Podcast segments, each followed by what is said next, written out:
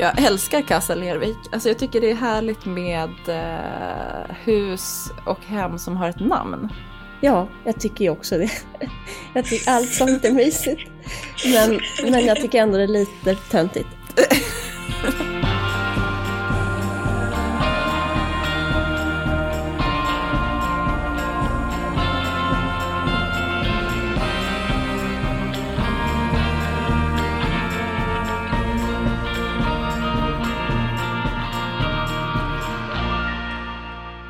Hej! Hej! Hur mår du? Jag mår... Jag har ju fått den här hosten som alla verkar ha. I alla fall i min närhet. Ja. Eh, så jag ber om ursäkt i förhand. Men jag känner mig pigg, jag är nere på stan. Nere på stan? ja, Gulligt. Ja, men jag har liksom vabbat och varit sjuk själv i, sen i fredags typ. Mm. Så jag känner mig... Eh, jag känner mig liksom inspirerad typ. vad bra. Du tar del av Mm. livet igen. Jag tar del av livet. Och du då? Vart är du, Elin? Ja, det låter som en ledande fråga, men jag, är- jag är ju i Italien. Du är ju i Italien. Herregud. Ja, det är ehm, fantastiskt. Nej, men jag, jag kollade i kalendern och såg att om jag gör några små justeringar, flyttar på något möte, kollar med dig om vi kan spela in så här liksom digitalt istället, så skulle jag kunna få sex dagar själv i Italien innan övrig familj kommer. Ja. Så det det var liksom väldigt, jag bokade biljett två dagar innan. jag vet. Eftersom du typ satt och smsade mig och Jonas, vår klippare, och var så här, kan vi spela in från Italien? Jag bokar resa nu. Och gjorde det. Ja. ja. Så blev det. Men, ehm, och så var det lite meck med att få med hunden, för det vill jag verkligen. Och det är så glad. Ja, semlan. Det är Semlan. Så, semlan, ja. Eh, nej, men det är jag så glad över därför att det är, eh, den som har djur fattar, men det är som en helt annan grej att jag är här själv, jag går på restaurang själv på och äter middag, jag, gör, jag går ut och går, men att jag har någon liten ett ankare som är hemma. Mm. Eftersom det inte tydligen räcker med mig själv. ja, men det, så det är Men jättemysigt. eh, jag som då sitter i ett snöigt Stockholm vill eh, omsvepas av eh, Italienkänslan. mm, Berätta för mig. jag ska göra hur- mitt bästa. Ja. Nej, men vi har lärt känna en, en kille eller man som heter Giacomo som kör taxi.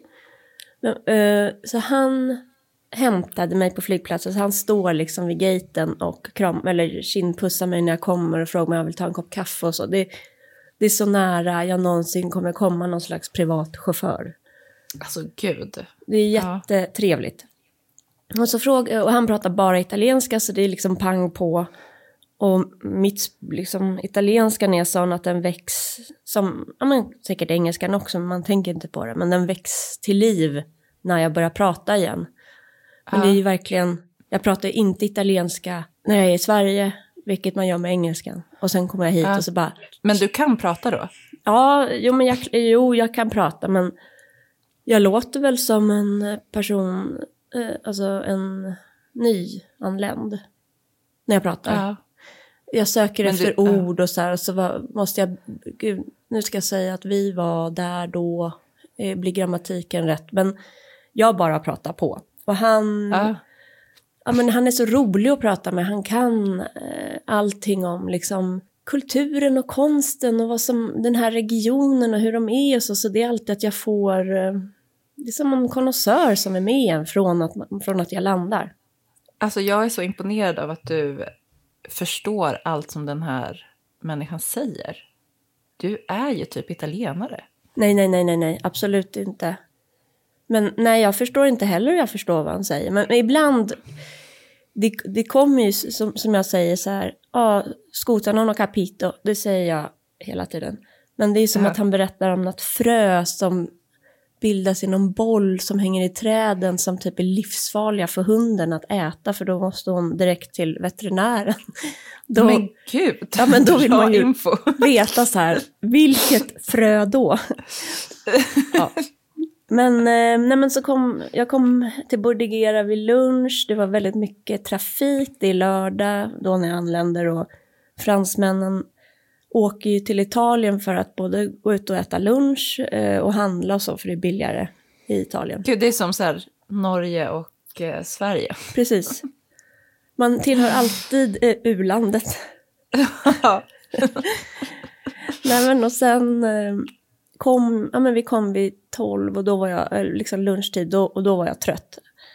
Så han bar upp väskorna hela vägen in i lägenheten och, och ja, men så snäll. Eh, och då beställde jag en pizza, åt den och somnade. Och vad vaknade på kvällen och sen åt middag ute. Så gick, och så kom jag hem och så bara, men jag kommer nog inte kunna sova nu.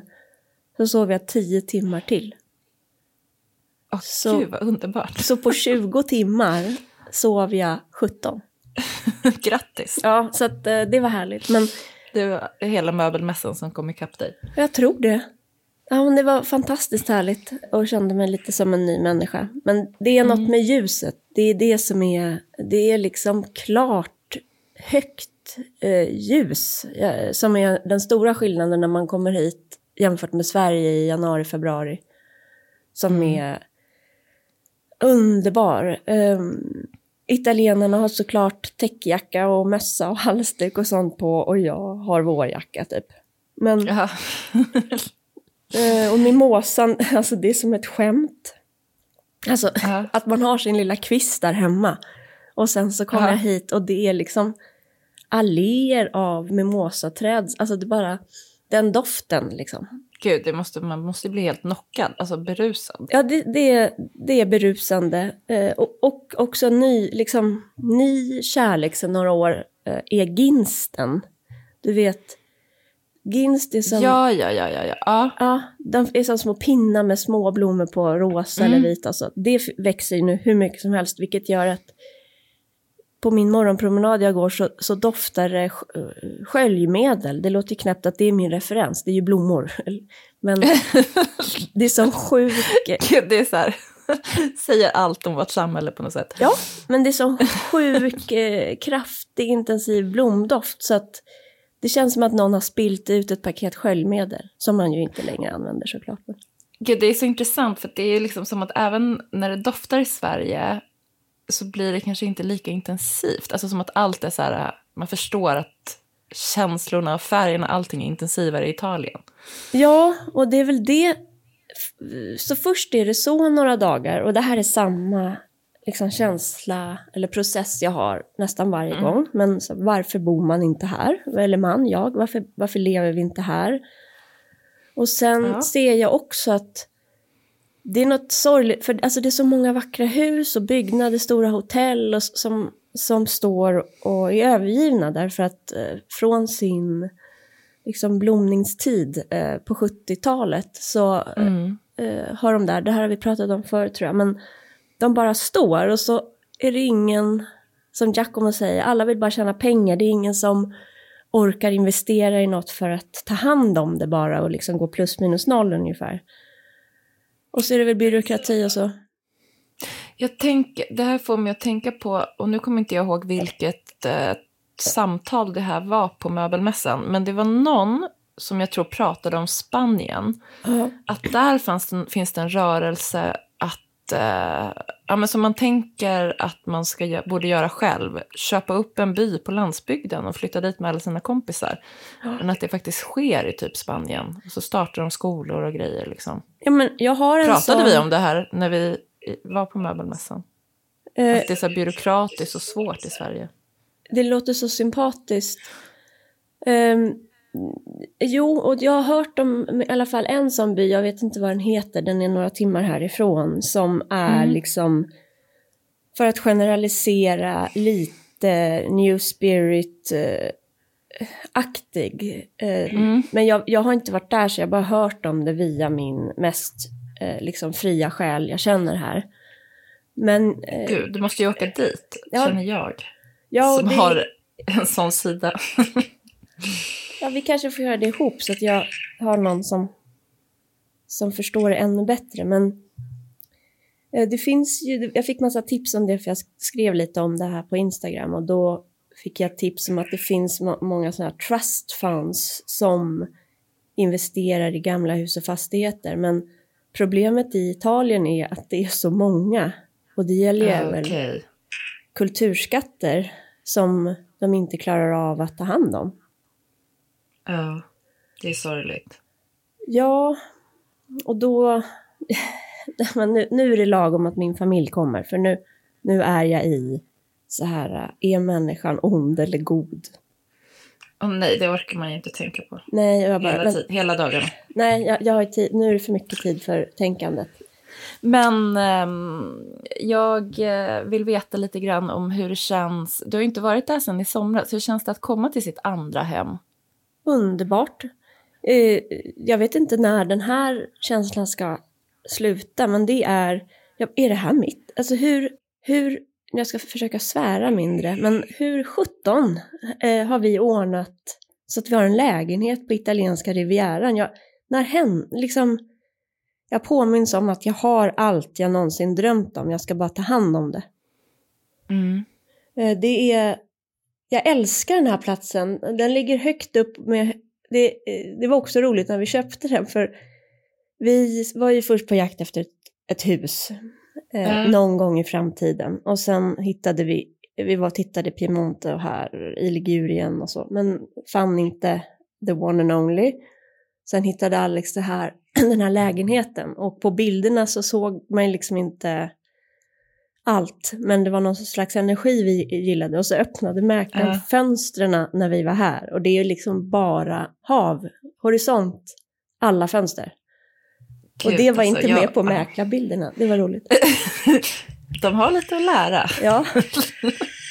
så att det är som att, eh, nej, jag, det är gudomligt. Ja. Och så är det mysigt för vi, vi hyr ju ut lägenheten, eller jag gör det, vilket Alex först var skeptisk till. Och, men, av massa, men av massa anledningar, framförallt ett, att få in liksom en inkomst på något som bara står och att någon är här.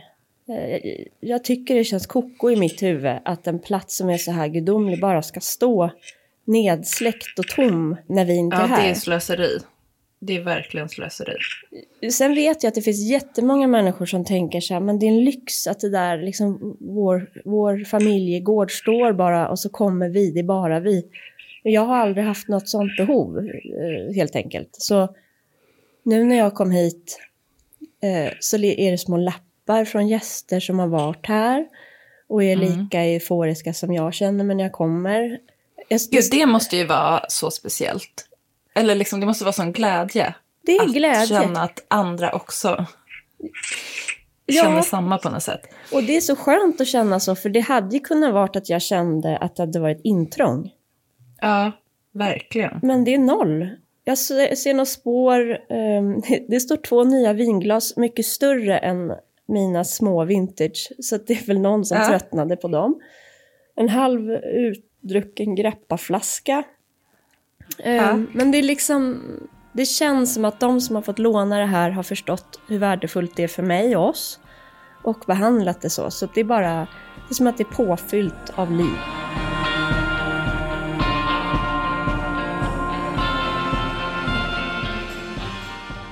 En sak till som jag är nyfiken på är eh, inredningen och eh, hur den känns i ett hem som man inte är i. Vad är liksom det första som möter dig när du kliver innanför dörren?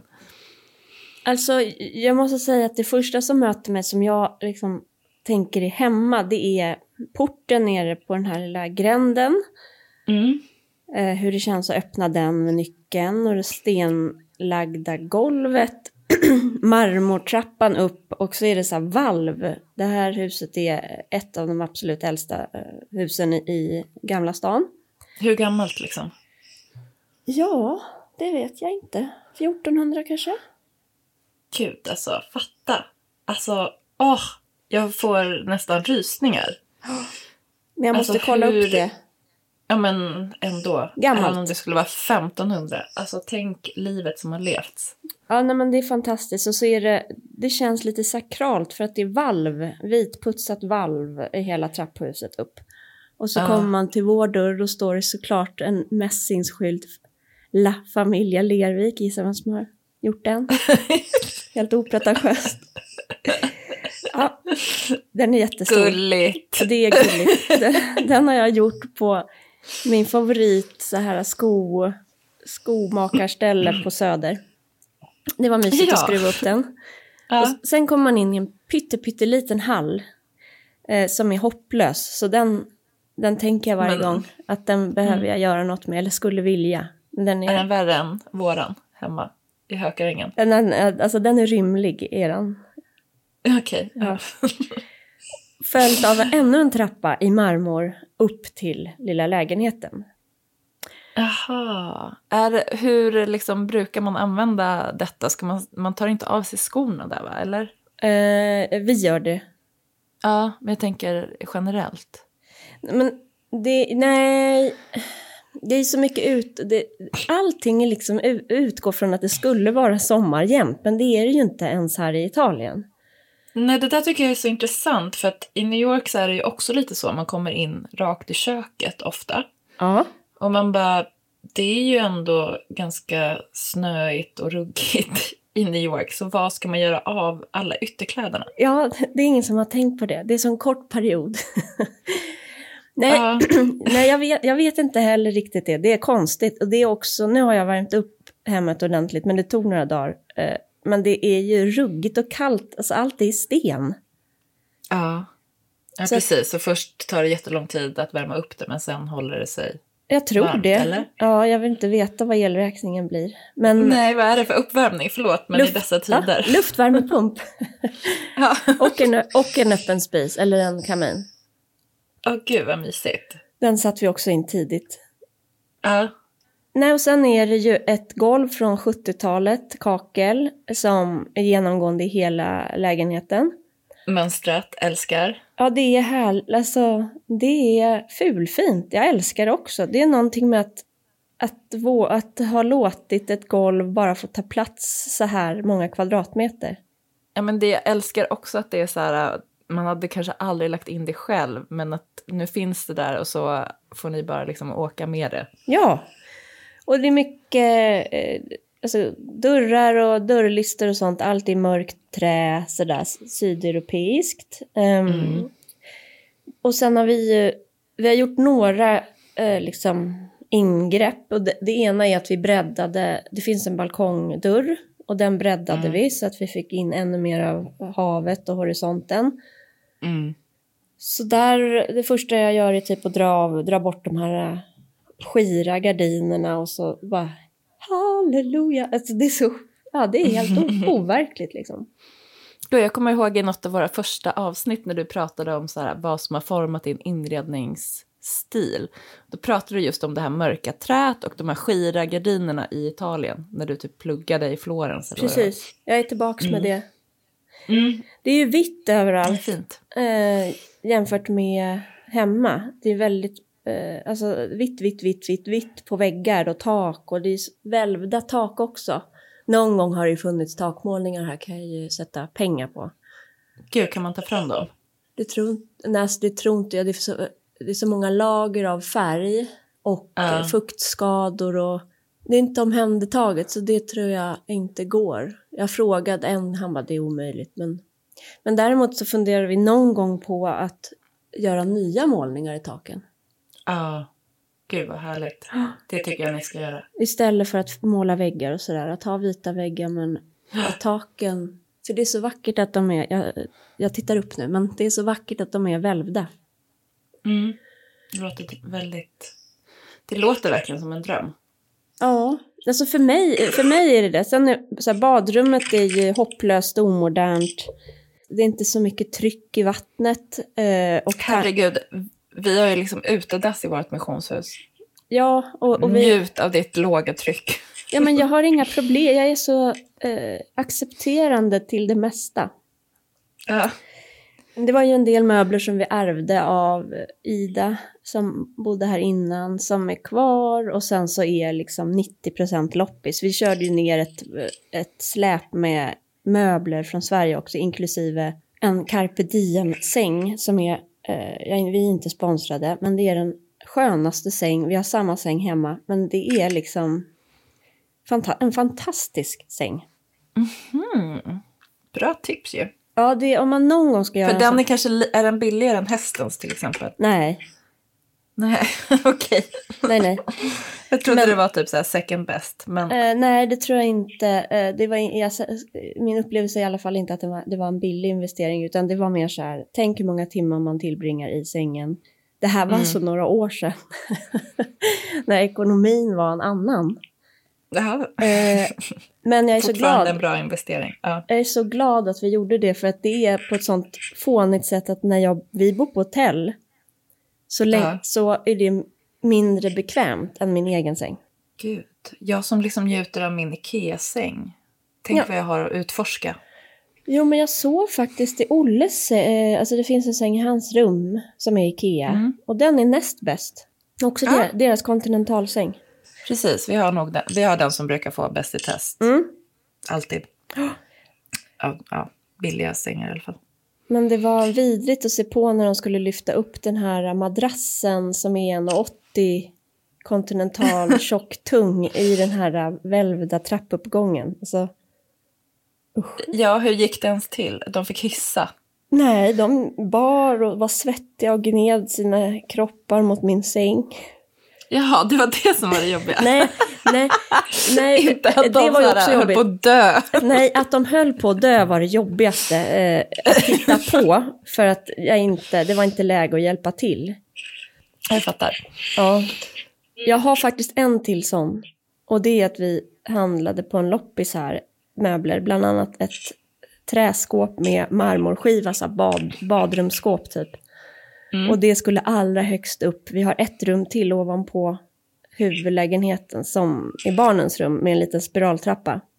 Ja. Och jag hade mätt att den fick plats där, men jag hade ju inte mätt i form av vikt. Eh. Och då kom snubben som hade antikaffären med sin pappa, typ 80 år, och Ja. bar upp den här byrån.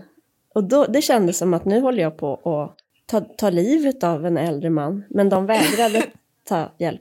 Jag fick inte vara med. Ja, men du hade ju, jag vet inte om du hade hjälpt eller stjälpt. Det Nej. handlar väl om teknik. Jag kommer ihåg när mina föräldrar skilde sig och det kom en väldigt spenslig, alltså han var inte mycket större än mig då som var tonåring. Ja. Och bara så här, tog saker själv på ryggen och gick typ med en divan upp för fyra trappor utan hiss. Ja, nej, men det är, det är ett släkte. Och du får ju Mm. inte bara ta två, alltså du kan inte ta en kartong, du måste ju minst hela tiden bära två. Annars så tittar de andra flyttgubbarna på dig med död, alltså hatisk blick.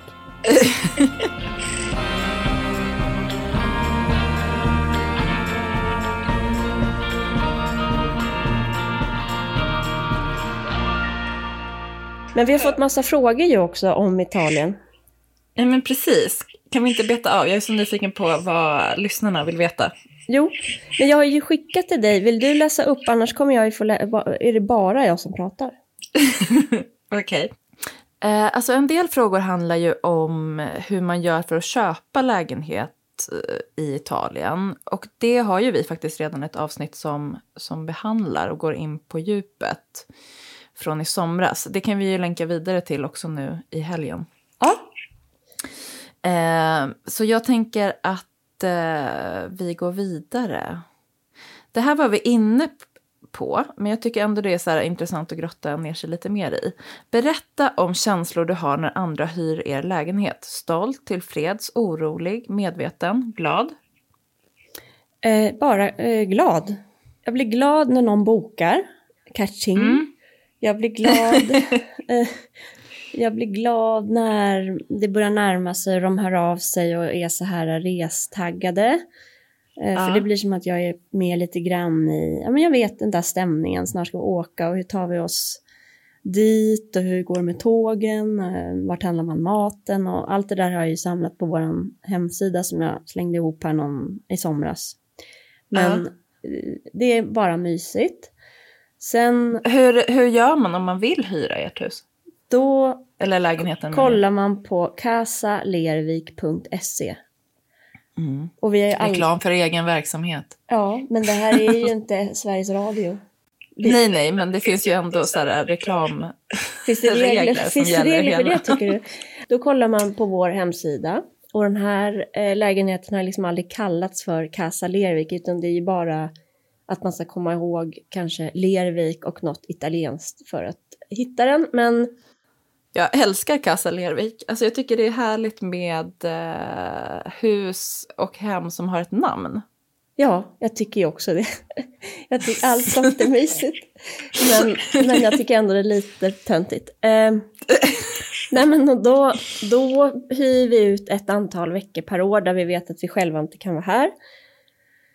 Eh, Ja. nej men eh, det här är inte ljug. Eh, jag tycker bara att det är roligt. Nu, Men väljer du ut liksom vilka som får hyra eller?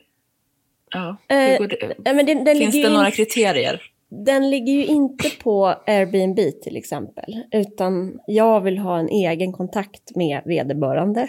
Eh, Mm. Och eh, ofta sker det via Instagram. Jag, jag tror att alla har hittat den via Instagram eller hittat mig och sen så kan man läsa mer på hemsidan. Vilket gör att jag kan gå in på de personernas konton som hör av sig.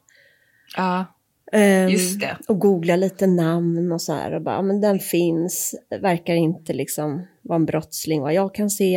Eh, det känns okej. Nej men sen är jag alltid så här, eh, nycklarna ska lämnas över och det är li lite meck med det. Jag har en tjej här som är världens bästa Oksana. Jag var och drack kaffe hos henne igår. mm. Så hon hjälper till eh, med incheckning och utcheckning och, och städar en gång i veckan och så här. Och då, då har ju hon också hela tiden koll hur det är i lägenheten. Så det känns mysigt. Mm. Det, enda, är, det, det har hänt något konstigt med eh, gardinsskenan och den var märklig innan. Men det, antingen är det Oksana och hon inte vågar säga något. Eh, eller så, jag tror inte det. Eh, någon kanske liksom har fuckat upp den lite. Och det kan jag ju tycka, om något sånt händer, då är det ju bara att säga det. Ja. Gardinskenan är som i U-form nu, det är vi. Det gör inget, sånt Jag händer. bara f- tänker på att någon har fuckat upp den bokstavligen, kanske. Ja, kul för dem. Mot. Väl, väldigt högt upp då i så fall. Jaha, okej. Eller nej, de kan ju bara toucha gardinen. Dragit mot gardinerna. Jag fattar. Ja, good for you. Det är något vinglas som har gått sönder och så, då har det kommit sms. Förlåt, förlåt, förlåt, förlåt, jag förstår att det här är antikt. Men det är ju ingenting. Det betyder, alltså, det betyder inte att man kan bara riva runt det, men det, så beter sig inte människor som är normala. Men det är ju ingenting som... Det är ingen katastrof. Ja, det är min svärmors skulpturer, men de sitter så bra. Ja, just det. Det skulle jag precis. tycka var hemskt. Ja. Vad får man absolut inte missa om man är i Bordigera och området omkring? Det beror lite på säsong, men att gå promenaden Beodo som det finns små skyltar upp till, det är via Gamla stan upp mot terrasseringarna, men det är mitt 1A. Ta kaffe med övriga på morgonen, um, antingen borta hos Sandro på torget eller Marta i den lilla gången. Också mysigt. Och där blir det på ett annat sätt, nu när jag är här själv så är jag ju mer tillgänglig på något sätt att jag inte har en annan svensk med mig som jag babblar med. Men Mm. det är ju en kultur med att gå upp på morgonen och ta en kaffe. Du tar inte kaffen hemma, utan du tar den där. Så Ja, precis. samma nyvakna, sådär sköra sinnesstämning är det fast tillsammans på kaffestället. Det tycker jag är, fint. Ja, gud. Undrar verkligen vad, vad det gör med en kultur också. Alltså Ja. vad det gör med människorna som lever så. Ja, det, det är, nu är det här en liten stad, det är ju inte Milano. eh, Så att det är en annan tid. Det är väl som att folk skulle vara i, jag vet inte, Sedbekal eller eh, vad heter det, Älmsta eller någonting. Eh, Mm. Man har inte klätt upp sig och sådär. Vissa är på väg till jobbet. Eh, Det är många som bor här som är typ hantverkare eller liksom workers, alltså arbetare. Mm. Eh, Mm. och så kommer prästen och hejar på alla. Alltså det är likadant. Alltså precis som det var när jag åkte. Precis så är det när jag kommer igen. Mm. Tryggt. Ja, alla blir bara äldre. Gud alltså. ja men det är så. ja men så, det är klart det är. Så är det.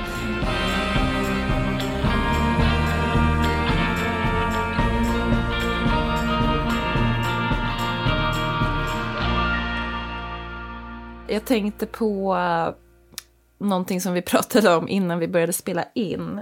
Eh, som hade med trygghet att göra. Ja. Och då sa du att du kände dig otrygg. Jag tycker det låter ganska tryggt och mysigt liksom. Men kan du inte berätta lite mer om de känslorna? Nej men, eh, ja och det, det är någonting med, jag kan inte säga, beskriva helt och säga varför och så, men känslan är eh, att jag känner mig inte riktigt trygg i världen. Alltså Eh, på ett sätt som jag inte varit med om eh, förut. Och jag tror det har att göra med eh, alltså såklart världsläget med krig och global ekonomisk osäkerhet och sådär. Men att jag, jag vet inte, nu har jag ju åkt iväg själv, vilket jag tycker jättemycket om, men det är precis samma varje gång att åh vad härligt, åh vad härligt och sen bara jag är övergiven eh, och så vill jag att den kommer. det är bra att samlaren är där. Mm, det är otroligt bra. Uh. Men det är någonting med jag pratade med någon som kom med en eh, liksom, infallsvinkel på det här med Zelensky och, och, Biden och Putin, alltså en person som jag verkligen respekterar här, som är klok. Ja. Ja. Gift med en lärarinna, du vet. Alltså, mm.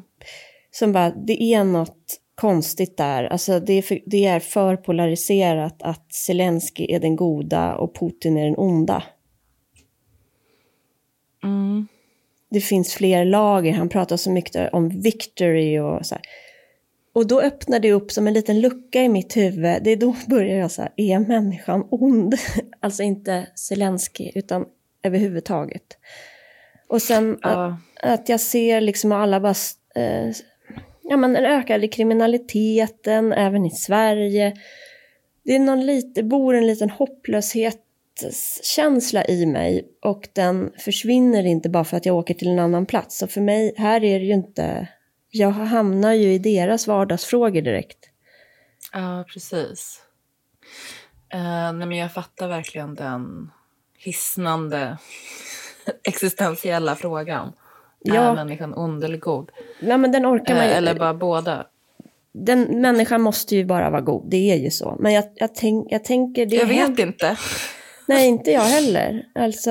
Uh, jag tror att det är uh, omständigheterna som, som gör det. Ja, nej men ja. Jag, jag, jag piggar ju upp mig med mina grejer här ändå, men eh, det är något med alla de här vackra byggnaderna, att allt, allt är så otroligt vackert i Italien. Det är som, mm. det vet vi hur det där ser ut och är. Och det här är inte Positano eller någon annan sån blomstrande, liksom, där finns massa, massa, massa pengar och eh, staten har liksom råd att bara ta hand om varenda byggnad, utan saker står också och förfaller. Uh. Eh, och det blir paradoxalt när allting är så himla vackert och samtidigt fungerar inte eh, samhället riktigt. Och det politiska systemet, då blir det, det är ju lite konstigt liksom. Ja. Jag fattar. Ja. Inspirerande kanske inte då. Nej, jag vet inte vad jag ska säga. Det, jag har inget hoppfullt att komma med. Nej, det är livet.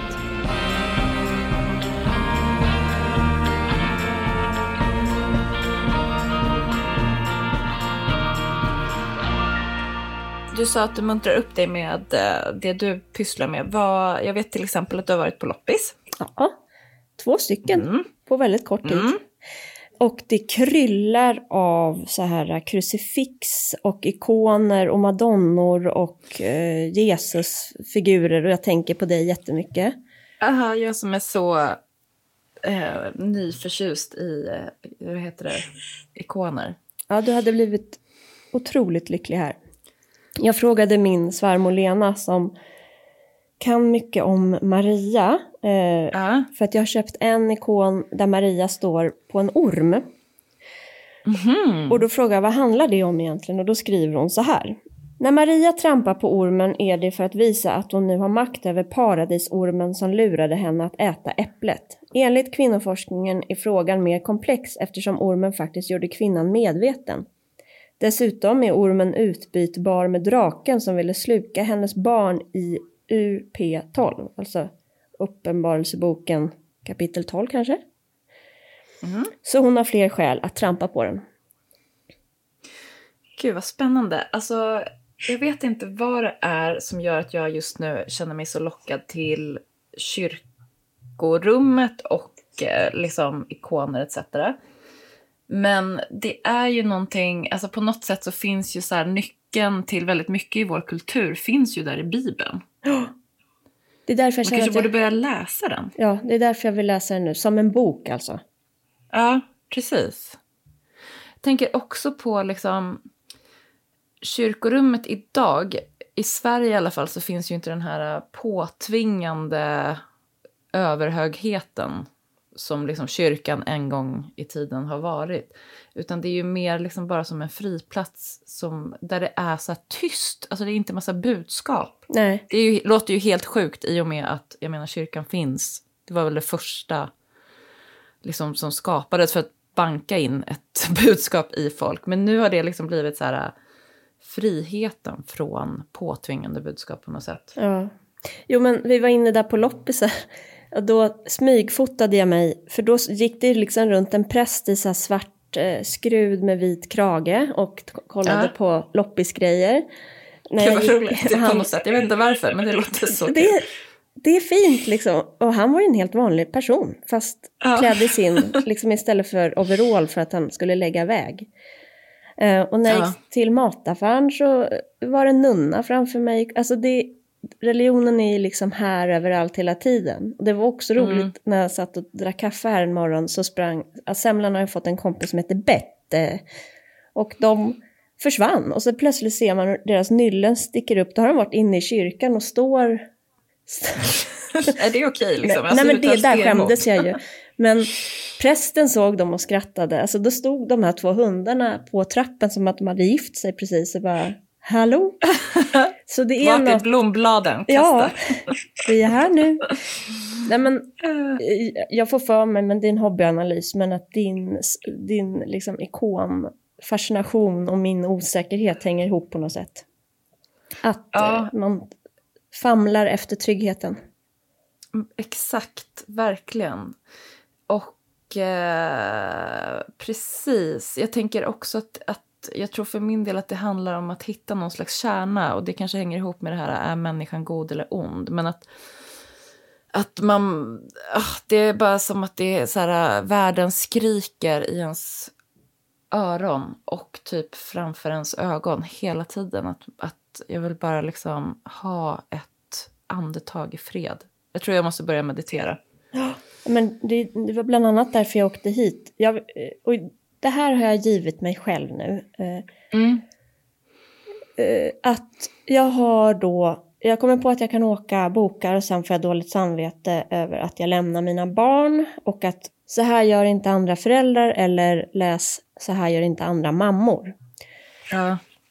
Men så bara tänkte jag så här, nej men så här gör jag och då är ju det rätt för mig. Jag vet inte hur de andra gör men om alltså, min energi till slut tar en slut. Alltså, det är inte energin utan alltså jaget tar slut. Och då måste Ja. jag få vara själv för att komma på mitt jag igen.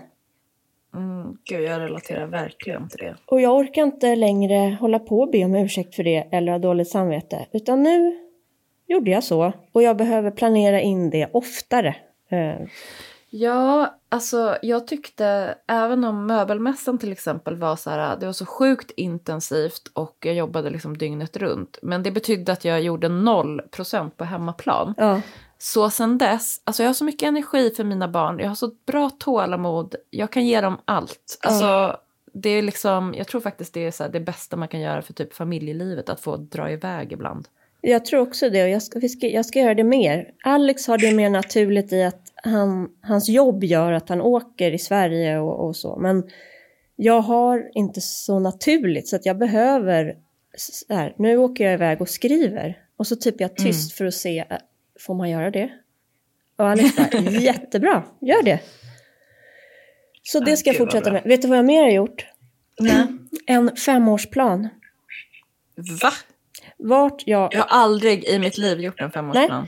Det här är mitt tips för alla som känner någon form av så här osäkerhet som jag och Kattis nu eh, beskriver, fast på olika sätt kanske då, men är att ta lite kommando. Jag kan bara eh, ta lite så här, nu ska vi se vart de är.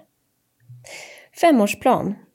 Det innebär alltså i januari 2028, då är jag 45 år. Åh gud. Då är rubrikerna hälsa, familj, kärlek, boende, vänner, arbete, fritid, ekonomi. Sen har jag också lagt till mode, stil, stilikoner. Oj, kul. Mm. Och sen har jag affärsplan Elin Lervik AB. Ja. Har jag gjort. Och sen har jag gjort Men en vad står det i femårsplanen? Kan du inte läsa vad det står? Nej men det är för, det är för intimt. Okej, på ekonomi. Läs några de- utvalda delar som du känner dig bekväm med. Alltså ekonomin är ju... eh, den är ju, Strålande. den är ju, om fem år vill jag vara ekonomiskt oberoende i förhållande till en partner. Jag vill ha ersatt skulder med besparingar på minst 200 000 och aktieinnehav om minst 100 000 kronor. Mm. Och då sitter säkert jättemånga människor och har aktier och, och, och sånt. Men jag, jag lever liksom, jag jobbar, betalar mina räkningar, har den största, det största kapitalet såklart i, min, i vår fastighet. Mm. Och det ekonomiska oberoende aspekten, det handlar ju istället för så här fuck off money, eh, för jag hade inte Mm. tänkt dra, så vill jag bara känna att jag eh, står på egna ben. Och det här kommer av att jag var på en sån fantastiskt inspirerande middag innan jag åkte till Italien på Soho House, den här liksom, medlemsklubben på Östermalm. Också en gammal kyrka, apropå. Exakt, som jag har varit väldigt skeptisk till hur man liksom kan kommersialisera och... Men det var, eh, ja, det var en injektion verkligen. Dels träffade jag människor där som jag känner redan sedan förr, men på den här middagen så kände jag ju bara Elin. Eh, och hon, eh, det var liksom ett gäng eh, kvinnor som höll på med så här kryptovaluta. Och Ja. konstnärer, en konstnär som liksom säljer konst för flera hundratusen kronor objektet. Ja. Älskar. Ja men det var bara sån så här, uh, hell yeah. Sen tror jag att Mm. de här siffrorna nu, att jag måste höja upp dem kanske. Men mycket, att det ska vara så här Men konkret. berätta, vad, vad fick du eh, med dig där från den middagen då? Det, det var en kvinna där som är vd på en PR-byrå, grundare, eh, alltså de har bamsekunder. Hon bara, "Ve- för jag sa, jag känner mig så förvirrad, glad och eh, det är spännande livet, men jag är förvirrad, jag, vad, vad kommer hända? Hon bara, det där är ju den bästa fasen i livet, passa på att skriva en femårsplan nu. Aha. Så det kom av där, men Alex har gjort det här mm, mm, i många år, så nu ska vi synka våra femårsplaner när han kommer hit. Ja. Vet du vad jag tänker är bra med att ha den där, de där fuck off-pengarna också? Ja, Det är att man kan så här, det gör att man kan lita på kärleken. Att man vet 100% att orsaken till att man är ihop är för att man vill det och inte att det finns liksom något annat som är där och grumlar till det. praktiska skäl liksom. Ja. Men jag tror, alltså 100 000 i aktieinnehav, bara så du fattar vad jag menar med det, är att jag ska, jag, det kanske är kryptovaluta och en miljon, I don't know. Men alltså jag vill också gå med i en aktieklubb. För jag har, jag har lite fonder bara som jag har ärvt av min pappa. Ja, Men de ligger ju där och jag gör inget åt dem. Men jag skulle också vilja lära mig lite mer om aktier. ja, och det är det här aktiva jag menar med min, det är därför det står så här, alltså jag vill, jag tänker inte sitta på sidan mer eh, och, eh, alltså det är ingen som har satt mig på sidan förutom jag själv. Jag vill, eh, man Och kan både vara typ. kulturpersonen och modern och liksom livets motor och hålla på med business. Jag ska, mer business. Mer Du är ju min business. Du är ju den i mitt liv som är mest business. Jo, men nu, nu, ska vi, nu är det kryptovaluta. Du vet att den här Är det ena nu man ska köpa i och med att den går så himla dåligt? Ja, alltså de kvinnorna som håller på med kryptovaluta som jag träffade, de var så Ja. coola. Och den ena hon har varit gallerist i massa år, från Ryssland, Ja. du vet så här, man bara, geni. Eh, Ja. Hon började plugga konstvetenskap när hon var fem år. Fem år. Gud, nu känner jag mig som en dålig mor. Ja, men då gick hon i alla fall över sen till kryptovaluta efter galleriperioden, väldigt framgångsrik sådan. Mm. Eh, och när hon beskriver det här liksom det företag hon jobbar för, hur den har utvecklats som en skördetröska. Som, alltså ett system som plockar upp eh, och köper och säljer per automatik online för din räkning så kände jag, jag vill ha en skördetröska som är ute och harvar för mig. Ja, jag känner också där att om man liksom vill att världen ska utvecklas åt rätt riktning, det vill säga åt ett hållbart håll, så borde man ju också vara aktiv i att lägga pengarna där det kan göra skillnad. Precis. Så att, eh, För jag menar, det, det vi, le, vi lever ju ändå i, det är ju ändå pengarna som styr någonstans. Så om man Någonstans, överallt. så måste man ju liksom kanske ge sig in i det där aktivt. Det är det vi ska göra nu, alltså vid sidan av, det är det, det, är det. Alltså, pengar ger makt och trygghet på ett annat sätt än alltså, eh, alltså kapital att röra sig med och investera. Jag vill investera i saker, jag kanske skulle bli en sån här ängel. Jag ska bara... Ja, Sånt, skriv till det nu på din femårsplan. affärsängel. Ja. Jag har hundratusen här. Jag tänker att jag langar in i något bolag. Jag har ett bolag du kan satsa på. Mattsson Manuel heter vi. Ja. Nej, men jag ska röra mig mot investerings... Alltså, du hör ju. Jag har också en Ja. affärsplan för Elin Lervik, författaren. Ja, det ska du ha. Så att det, här, det här är... Nu är det helg snart. Ja. Gå hemifrån, skriv din femårsplan. Börja med kryptovaluta. Eller AI. Ja, bygg en liten robot.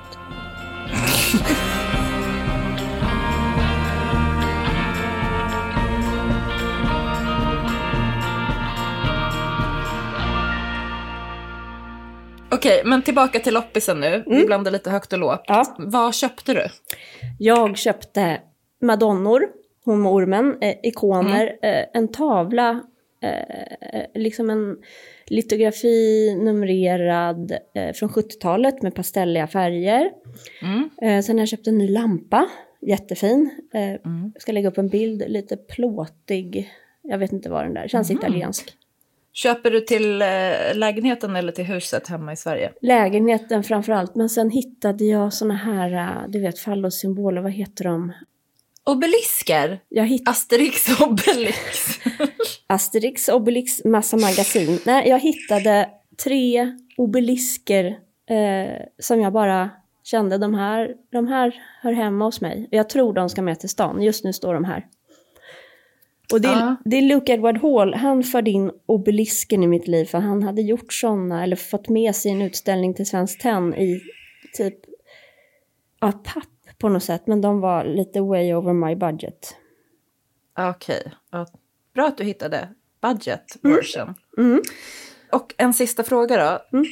Och så hänvisar vi återigen till att mer info om eh, hur man köper hus och sådär finns i ett tidigare avsnitt. Yes. Vad, eh, vad har du för spaning? Har du med dig någon liksom inredningsspaning eller inredningsinspiration förutom eh, ikonerna från Italien? Det är lite för tidigt att säga, eh, för jag är här nästan två veckor till. Så att det skulle nästan behöva återkomma till. Eh, Men det finns Ja. inga föt, alltså inga vaser på fot. Någonstans. Inga vaser på fot. Nej. Så det, Det är jag jättesugen på. jag med. Inga krukor, inga urnor, ingenting. Men vet du, det återkommer vi till i nästa avsnitt. För då ska vi prata lite loppisplaner generellt framåt. Vad vi är ute efter. Det är därför jag går på loppis nu. Det är ju bara research. Gud, stackars dig som måste jobba så hårt på loppis. Ja. Jo, jag hittade också en hel skål med såna här fakirer, du vet, blomsterfakirer. Ja. Ja, nu börjar de bygga här igen. Det byggs ju, det är ju ändå hoppingivande och sorgligt på samma gång. Ett vackert hus här nu ska rivas helt för att bygga lägenheter. Men Men varför kan de inte bygga lägenheterna i det huset? ja, det är det man undrar. Men eh, jag ska få ihop så mycket pengar nu så jag bara ska köpa alla dyra hus och göra lägenheter av dem. Det låter underbart. Bra plan. Mhm. Nej, men jag kan, jag kan göra min lilla inredningsspaning lite mer i nästa avsnitt när vi pratar loppis. Ja, härligt. Mm. Jag vet inte, jag vill också gå på loppis. Gör det, du behöver det. helgen. Ja, Verkligen. Gustav Broström såg jag. Gustavsrum höll i nominera någonstans att bli årets vintage eller second hand-profil. Jag trodde han redan Mm. var det, men jag tycker man ska rösta på honom då. Han är eh, varje års second hand-profil. Verkligen. Loppisvardag. Eller loppisvardag. Mm. Ja, Det men, nej, men det är mysigt. Men, men det, jo, en spaning är att det är lite dyrare även här i Italien. Ja, inflationen har nått loppismarknaden. Ja, jag prutar ju heller aldrig. Det får du ju bara börja med. Jag Det är ju en del av spelet. Jag tycker det är otrevligt. Man skulle ju aldrig gå in i en annan affär och säga jag vill ha den här jackan men för 300 kronor. Vet du hur många som gör så? I typ så elektronikbutiker och sånt där. Vill man vara den? På tal om onda och goda människor. Alltså, tänk de stora företagen som suger ut dig och de som tillverkar de här grejerna. Ja, men jag står ju inte på ett så stort företag som suger ut, men jag står hos en arm eh, antik, vad, alltså antikhandlare. Nej, Jo, det är roligt. Mm. Och det ingår. men du kanske skulle kroka arm med Gustav i helgen och gå på lite loppisar och få expertråd av honom. Ja. Det påminner mig om att eh, Fridas Finds på Instagram och jag planerar att vi ska åka i en buss ner till Frankrike och gå på loppmarknad. Ljuvligt. Det hade ju varit underbart. Eh, jag, vill, jag har en sista fråga. Och sen angående- måste jag lägga på. Ja, jag vet. Hur tänkte du? Vi har ju pratat så otroligt mycket om att inte flyga och sådär. Hur tänkte du kring det? Jag tänkte, oj, nu kommer jag flyga. Eh, det kommer spruta ut gift över hela den här världen. Men jag behöver fylla på mig själv och skriva den här boken. Och den här platsen finns. Så nu medvetet gör jag det här och det är inte toppen. Så tänkte jag. Nej. Okej. Tack för rapport. Nej men eh, alltså det är bara så. Jag tror att eh, den dagen man slutar tänka det. Eller, alltså jag har aldrig flugit så lite i mitt vuxna liv som de senaste åren. Aldrig. Nej. Så det stod så här i min SAS-app att jag hade typ 63 flygningar senaste, jag vet inte. Mm, de 63 var ju inte senaste fem åren. Mm. Att man ens hade de där apparna. Ja, det är så omodernt. jag vet inte. Det var länge sedan de använde sig. Ja, men, men eh, jag kan ju säga att jag älskar eh, att komma till en flygplats och se blicken hos människor man möter och vara på väg någonstans. Och det skulle, jag ser fram emot att den stämningen byggs upp runt tågåkandet Alltså istället. gud, jag också. Jag kan säga faktiskt att flygplatser är en av mina favoritplatser på jorden. Ja. Och det har ju, Alla är på väg. precis, och det har ju inte med att du sätter dig i en tub och åker upp i luften att göra, utan det handlar ju om förväntan. Precis. Att, Och börjar jag inse att jag eh, vill hela tiden vara i rörelse. Mm, jag med. Och att det är jätteviktigt för ens personliga utveckling. Så att det måste bara bli på ett nytt sätt så att vi inte slutar röra på oss. Jag tror det är livsfarligt också för att förstå varandras kulturer och sånt. Ja, verkligen. Amen to that. Amen! Ja, men vad kul det var att prata med dig. Jag är verkligen helt undernärd. Ja, verkligen. Det känns jättekonstigt att vi inte har setts på så länge. Jag bara beställer pizza typ på italienska, sen pratar jag inte mer. Åh, jag vill ha italiensk pizza. Det ska jag äta ikväll. Mm, vi ska åka hit någon gång ihop. Ja, det vill jag. Mm, du kommer gilla det. Då tar vi tåget. Det blir spännande. Ja, det, vi gör det till ett äventyr. Eller bilen. Det är okej. Ja, för då får man plats med mycket loppisgrejer. Ja. ja! Du, don't get me started. Nu, när bokar vi?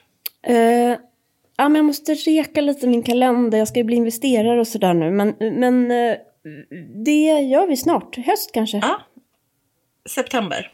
Oktober. Oktober. Mm. Ännu bättre. Ja, men vad fint. Nu, nu behöver jag runda av här. Ja, vi eh, ses nästa vecka. Eller vi hörs nästa vecka i alla fall. Det gör vi. Ha en fin helg. Trevlig helg.